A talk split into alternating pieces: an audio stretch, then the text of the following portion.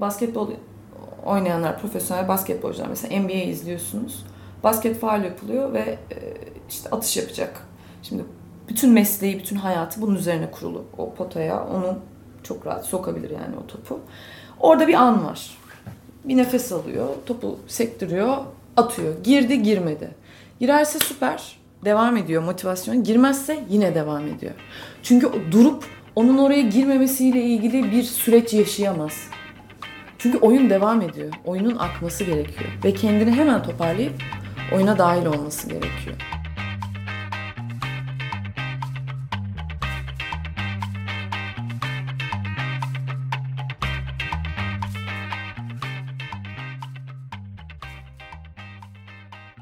Merhaba ben Onur Ak Mehmet. 1118 podcastinde her hafta Taksim'de bir konuk ağırlıyorum. Ortaya çıkan kaydı da biraz elden geçirip sizinle paylaşıyoruz biliyorsunuz.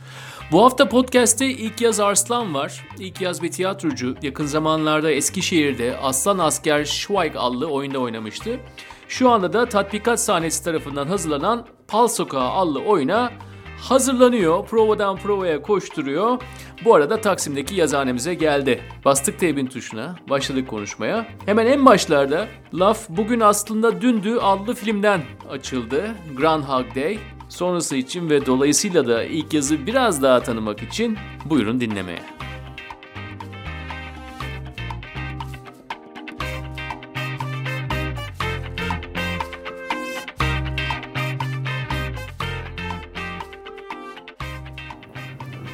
Bazen de e, bir şeyin içinde hep aynı günü yaşıyormuşum hissi geliyor.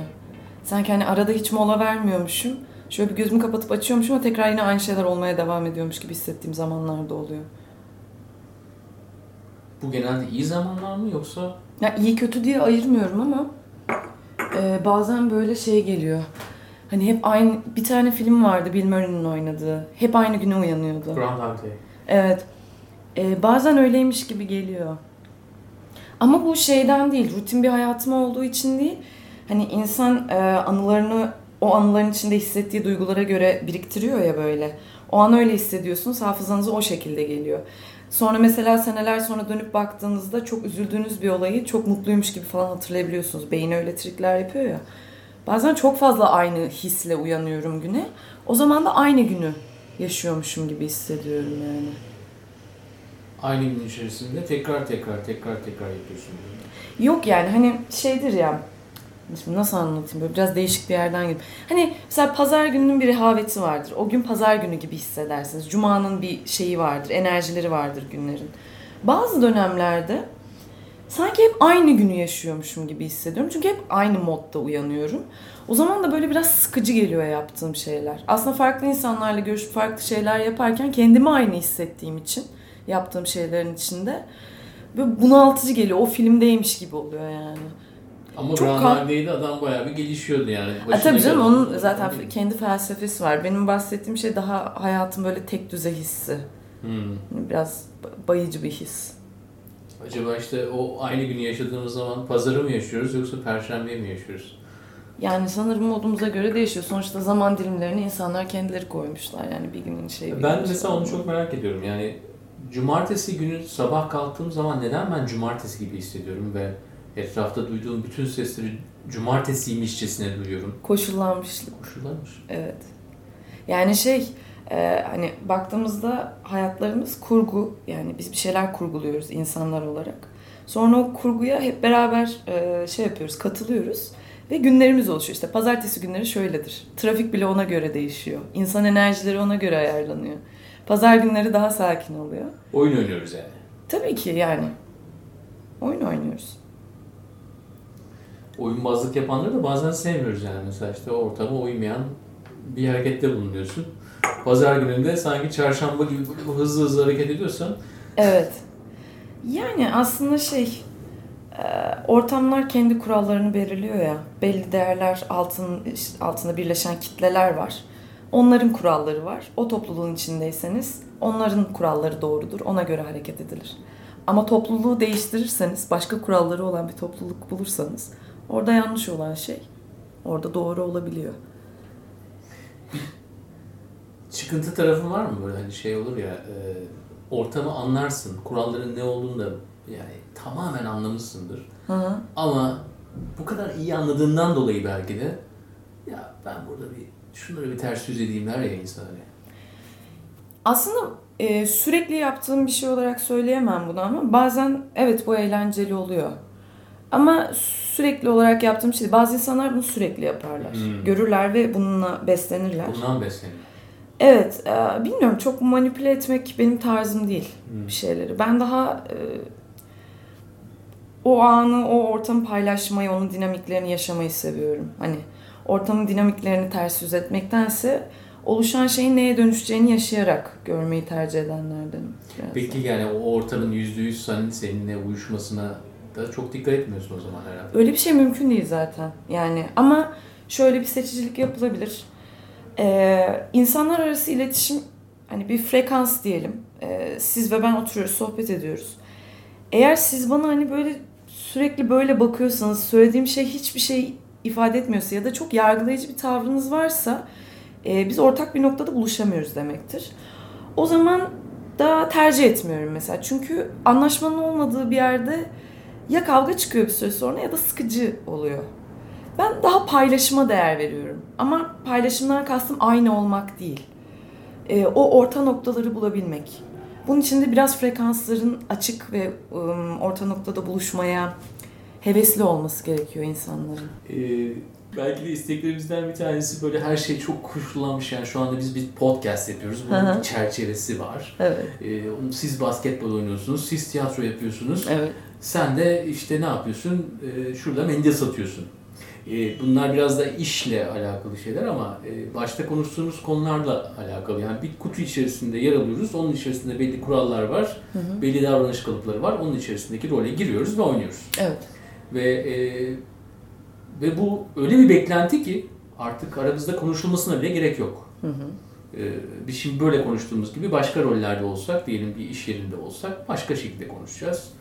Ee, ben sana garsonluk yapsam mesela sana başka türlü konuşacağım mesela.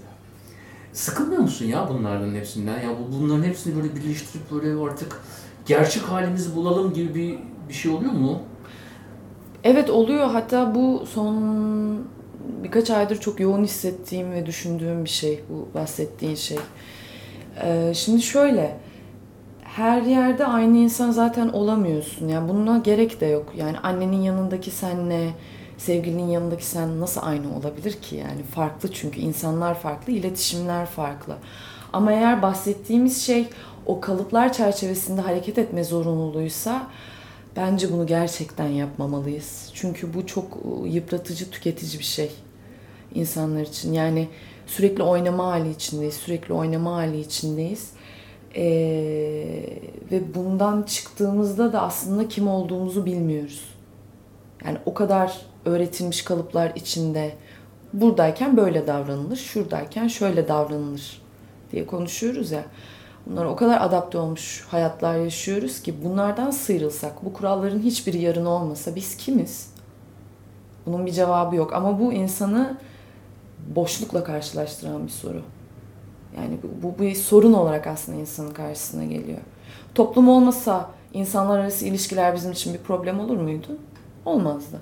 Ama toplumsal canlılar olduğumuz için toplumla ilgili, ilişkilerle ilgili şeyler bizim için bir sorun, problem. Ee, belli metotları, yolları olması gereken bir şey. Ya da e, binaların içinde yaşadığımız için binalara uygun hareketler yapıyoruz. Yani şey yapabiliyorum, e, belirli koşullar bizim kalıplarımızı belirliyor. Peki koşullarımız bir anda tamamen değişse biz kimiz o zaman? Yani kendine yabancılaştığın oluyor mu? Yani biraz Kesinlikle evet. Kesinlikle evet. Yani yüzde yüz evet. Yani e, şimdi insan denilen canlı varlık e, kurgu yeteneği sayesinde bütün bu medeniyeti kurabilmiş. Kurgu becerisi. Böyle bir dünyada kendine yabancılaşmamak mümkün mü? Ya o yüzden şöyle bir furya var. Ee, hadi kalkalım Kaş'a taşınalım, hadi Dalyan'a gidelim ya da ben e, gidiyorum yurt dışına e, orada yaşayacağım artık. Bunu şey olarak söylemiyorum hani nasıl diyeyim küçümser eleştirir bir şekilde değil çünkü çok anlaşılabilir bir şey. Yani ne oluyoruz ya diyor insanlar hani saçmalık bu delilik bu çok kaotik bir şey ve ben kendimi bunun içinde tanımlamak istemiyorum diyor. Ve gidiyor. Daha doğanın içine gidiyor, daha şeye gidiyor. Bazısı kalıyor, bazısı o da bana göre değilmiş diyor. Başka bir şeye gidiyor. Ama her şey tüketim odaklı olmaya devam ettiği sürece e, dünyanın neresine giderseniz gidin bence sorunları beraberinizde götürüyorsunuz yani. Ya o varoluşsal şeyi kendinle götürüyorsun yani. Bu bir ülkenin sınırından giriş yaptığında şey gibi pasaport gibi üstüne damga basacağın şey yapacağın geride bırakacağın bir şey değil ki. Böyle. Çocukken kendine baktığın zaman ne görüyorsun? Nasıl bir çocuktun? Ee, ben 4 yaşındaki halimi böyle çok seviyorum. Hep oyun oynardım sürekli. Çok konuşurdum. Çok erken konuşmaya başlamışım zaten. Çok enerjik bir çocuktum. Ee, sürekli gülümsüyordum ve sürekli işte bana bakın, bakın ben bir şey yapıyorum, bir şey yapıyorum bir halim vardı. Ee, sonra büyümeye başlayınca aslında çocukluğun ne olduğunu insan ayrıştığında görebiliyor ya. Hep ben büyümek isteyen bir çocuktum. Hep büyümek istedim çocukken. Ee, sonra büyüdüm. Şimdi keşke çocuk olsam diyorum. Çok klişe bir şeydir ama e, şeyi isterdim çocukken hep. O özgürlükleri isterdim yetişkin dünyasının.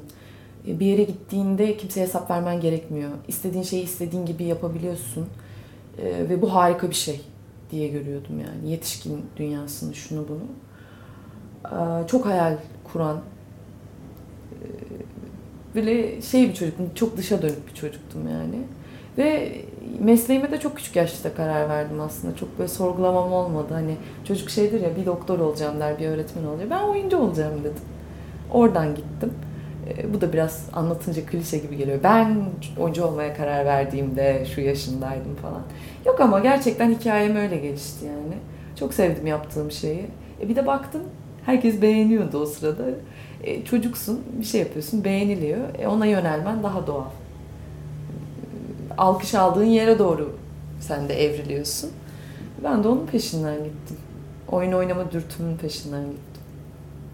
Sosyallik neydi senin için? Yani sosyal bir yani çocukluk diyoruz ama onun bir büyük bir kısmı da kendi hayal dünyamız yanında biraz da o sosyal halimizle devam ediyor.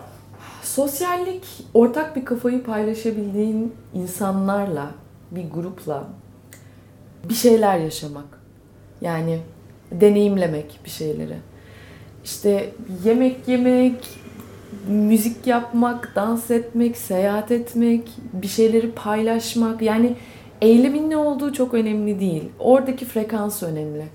Hani bağırıp çağırıp sonra kaldığın yerden devam edebiliyorsan ya da şu an bu yaptığın şey beni rahatsız ediyor diyebiliyorsan ve bu böyle çok saçma bir şeye dönüşmüyorsa bu bence doğru bir iletişim şekli mutluluğunu da mutsuzluğunu da beğendiğin ve beğenmediğin noktaları paylaşabildiğin ve e, samimi içten olan bir şey. Benim sosyalliğe bakış açım bu. Yoksa hani birileriyle bir araya gelip herhangi bir şey yapmak e, yani o zaman hani metrobüse binmek de mi sosyallik? Hani orada bir paylaşım yok ama. Hani aynı eylemi yapıyorsun. Bir kitleyle berabersin ama bir şey paylaşmıyorsun sonuç olarak var. yani. Yani hani evet yani çok da küçük bazlı da olsa bir, bir rekabet var ama bir şey yok, paylaşım yok. Bir kurulan iletişim yok. Yani ben iletişime çok önem veren bir insanım. Çünkü e, yalnızlık ne kadar güzel ve değerliyse paylaşmak da bir o kadar öyle. Yani öyle olsaydı hiçbirimiz birbirimize ihtiyaç duymadan yaşardık işte. Ve hani insanlar üzerine hiç konuşmazdık. Yapayalnız doğardık, yaşardık, ölürdük. O kadar olurdu yani. Ama yok varız ve etkileşim halindeyiz, ilişki halindeyiz. E, paylaşabildiğin insanları bulabilmek çok büyük bir mutluluk bence. Yani arkadaş olarak, aşk olarak, iş olarak. Çünkü o zaman o vital duygu geliyor. Ya yaşam güzel ve yaşam akıyor. O zaman bir şeyleri kurgulaman, planlaman gerekmiyor ve o plastiklik duygusu kayboluyor işte. O kurgu dünyası bence kayboluyor, açılıyor. Çünkü ne varsa onu yaşıyorsun. Ee, öyle bir dönemdeyiz ki biz mutluluklarımızı da kurgulamaya çalışıyoruz, planlamaya çalışıyoruz. Mutsuzluklarımızı da aynı şekilde. Ve her şeyi e, saçma bir törensellikle yapıyoruz. Törenin kendisi güzeldir aslında, kutlamaların, şunların bunların. Ama bunun bu yozlaşmış hali çok korkutucu. Yani çok basit bir örnek olacak ama bir düğünü hani canlandıralım kafamızda.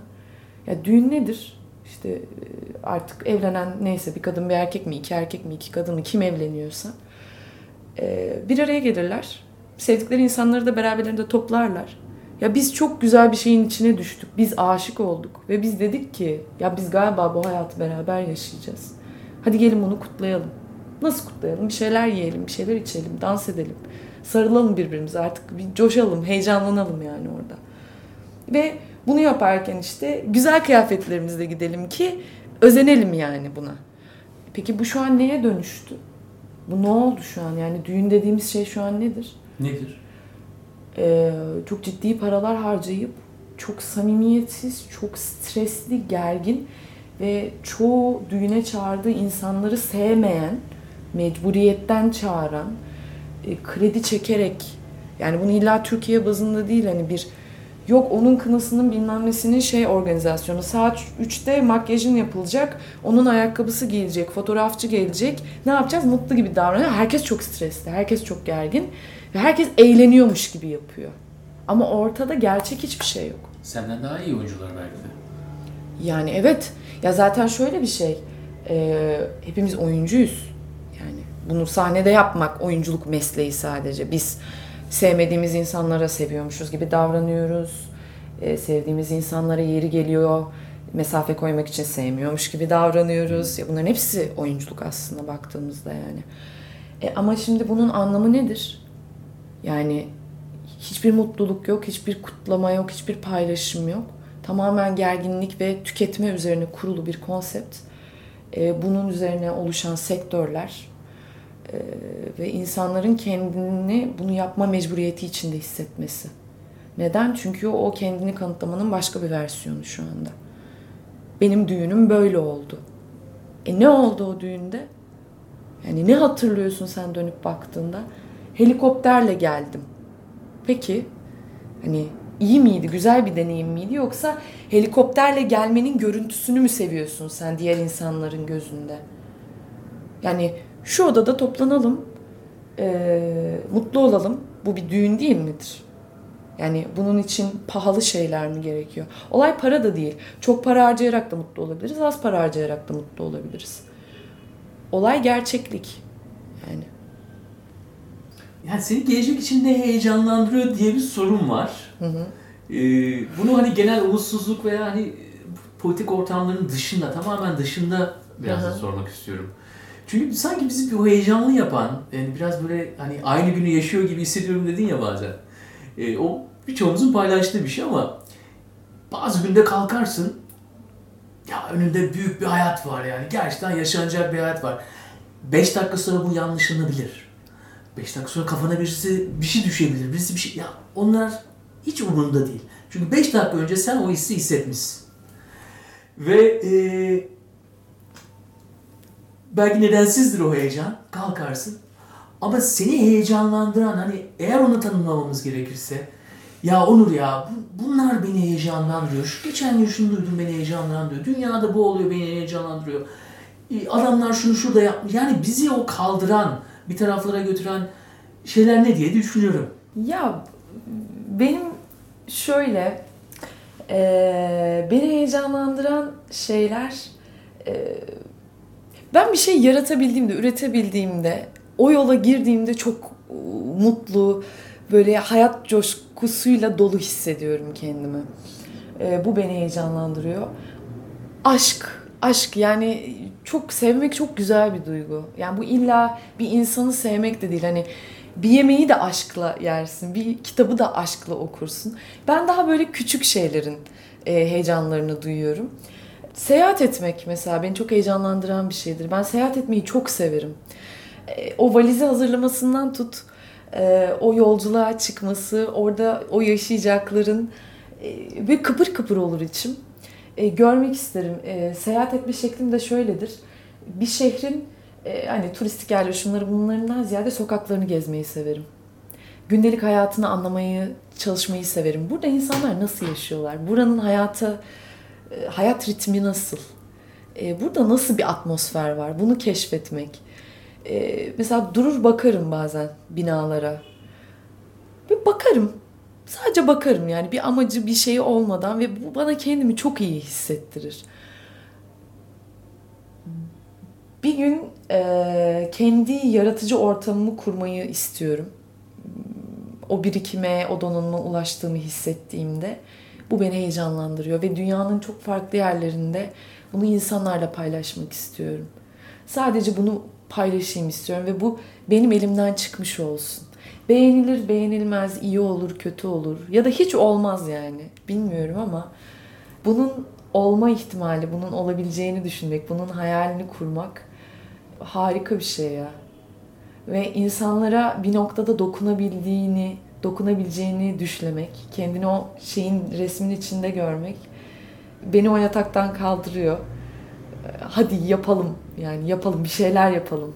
Bu, bunu istiyorum yani. Bunu görmek, onu deneyimlemek. Ve bilinmezlik yani. Bilinmezlik güzel. Ne kadar kafa karıştırıcı, yorucu, yıpratıcı olsa da ne yaşayacağını bilmiyor olmak, kendi hikayenin yolculuğunun içinde olmak bunlar hepsi heyecanlandırıcı şeyler yani.